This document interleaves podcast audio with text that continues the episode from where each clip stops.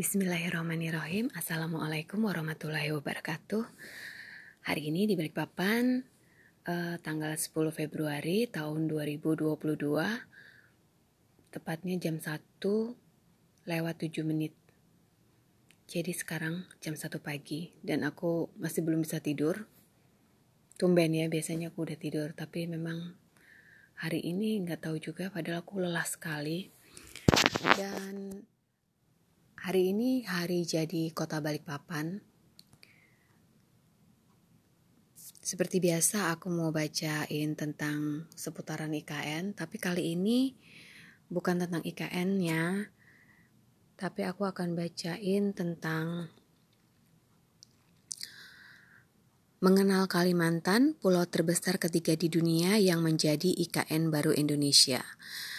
Ini kalian bisa lihat di websitenya mediakupang.pikiranrakyat.com.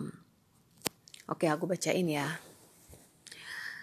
Pulau Kalimantan atau juga disebut Borneo oleh dunia internasional adalah pulau terbesar ketiga di dunia.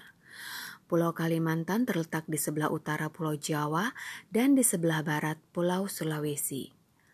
Merujuk Wikipedia, Pulau Kalimantan ini diketahui terbagi menjadi wilayah Indonesia 73%, Malaysia 26%, dan Brunei 1%. Pulau Kalimantan terkenal dengan julukan Pulau Seribu Sungai karena banyaknya sungai yang mengalir di pulau ini. Nah, untuk warga Indonesia yang mendiami Pulau Kalimantan, suku Dayak merupakan suku asli di Kalimantan. Namun bukan berarti di Borneo hanya ada satu suku, tapi ada beberapa suku. Berikut suku beberapa suku asli di Kalimantan. Yang pertama adalah suku Dayak. Suku Dayak ini merupakan suku asli yang terbesar mendiami wilayah Kalimantan. Mereka masih tinggal di pedalaman Kalimantan. Suku Dayak mempunyai enam rumpun besar, yaitu Klemantan, Iban, Apokayan, Murut, Otdanum, Ngaju, serta Punan. Rumpun Punan merupakan rumpun tertua yang mendiami Pulau Kalimantan.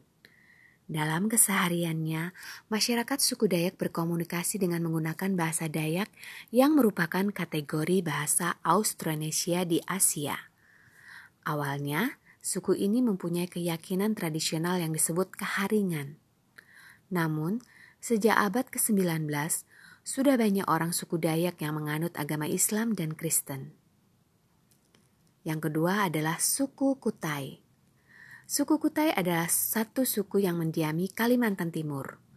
Orang Kutai yang berdiam di Kalimantan Timur biasa disebut orang Melayu. Seperti halnya suku bangsa Berau, Bulungan, dan Tidung. Orang Kutai menggunakan bahasa Melayu yang terbagi atas beberapa dialek. Dialek. Pada masa lalu, suku Kutai mengenal lapisan sosial yang terdiri atas bangsawan, rakyat, serta budak. Orang Kutai mempunyai mata pencaharian di bidang pertanian. Selain itu, ada pula yang juga ada pula yang juga menjadi nelayan. Orang Kutai yang beragama Islam oleh orang Dayak disebut Halo sedangkan penduduk lain yang berada di pedalaman dan yang tidak beragama Islam dinamakan Daya. Yang ketiga adalah suku Banjar. Suku Banjar adalah suku asli Kalimantan Selatan. Suku ini tersebar hampir di Kalimantan Selatan. Awalnya suku Banjar mendiami wilayah pesisir dengan mata pencaharian sebagai pedagang. Orang Banjar memiliki bahasa sendiri yaitu bahasa Banjar.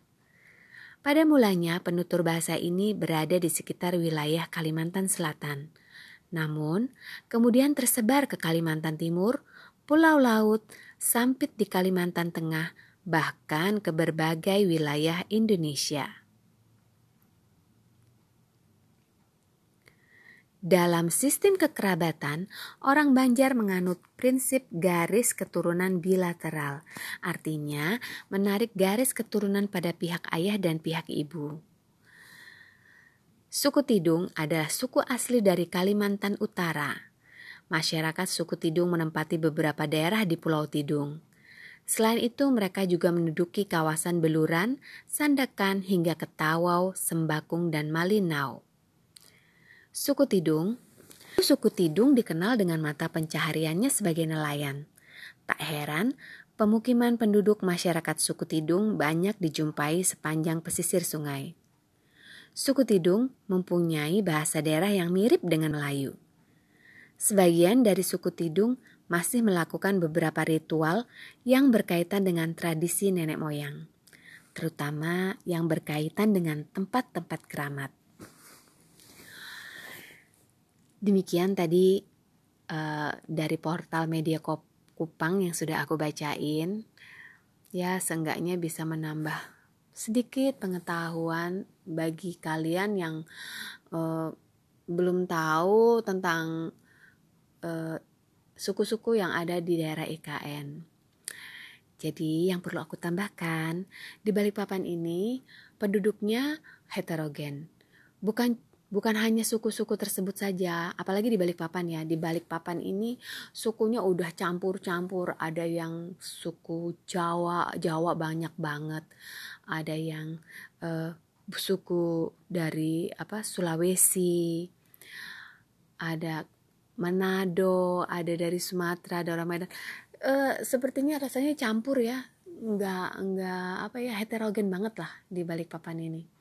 Dan selama aku hidup dari lahir dan tinggal di Balikpapan ini aku ngerasa banget sih uh, kalau kami itu semuanya itu uh, saling toleransi. Toleransinya tingkat tinggi. Dan kami juga saling menghargai. Dan orang Balikpapan itu tipe-tipenya nggak apa ya karena kami semua itu sibuk ya. Jadi tipe-tipenya itu ya sibuk mengurus diri sendiri aja itu sepanjang aku tahu ya. Nanti aku dibilang terlalu melebih-lebihkan karena aku berasal dari Balikpapan. Tapi ya eh, sepanjang yang aku tahu sih begitu. Buat yang ingin tanya, kalian bisa kirim email ke dwiceritaabadi@gmail.com. Ya, kalian mau request apa supaya uh, apa sih mau ada tambahan knowledge apa mengenai IKN sepanjang aku bisa info ya nanti bakal aku info. Oke aku rasa uh, beberapa menit sudah cukup ya. Dan sekarang waktunya aku mau tidur. Besok hari Kamis dan aku rencananya bakal puasa dan aku cuma punya waktu beberapa jam sebelum aku bangun lagi untuk sahur. Aku biasanya aku agak susah ya aku agak males orangnya sahur. Jadi biasanya aku cuma minum air putih satu botol yang ukuran 330 ml itu untuk sahur.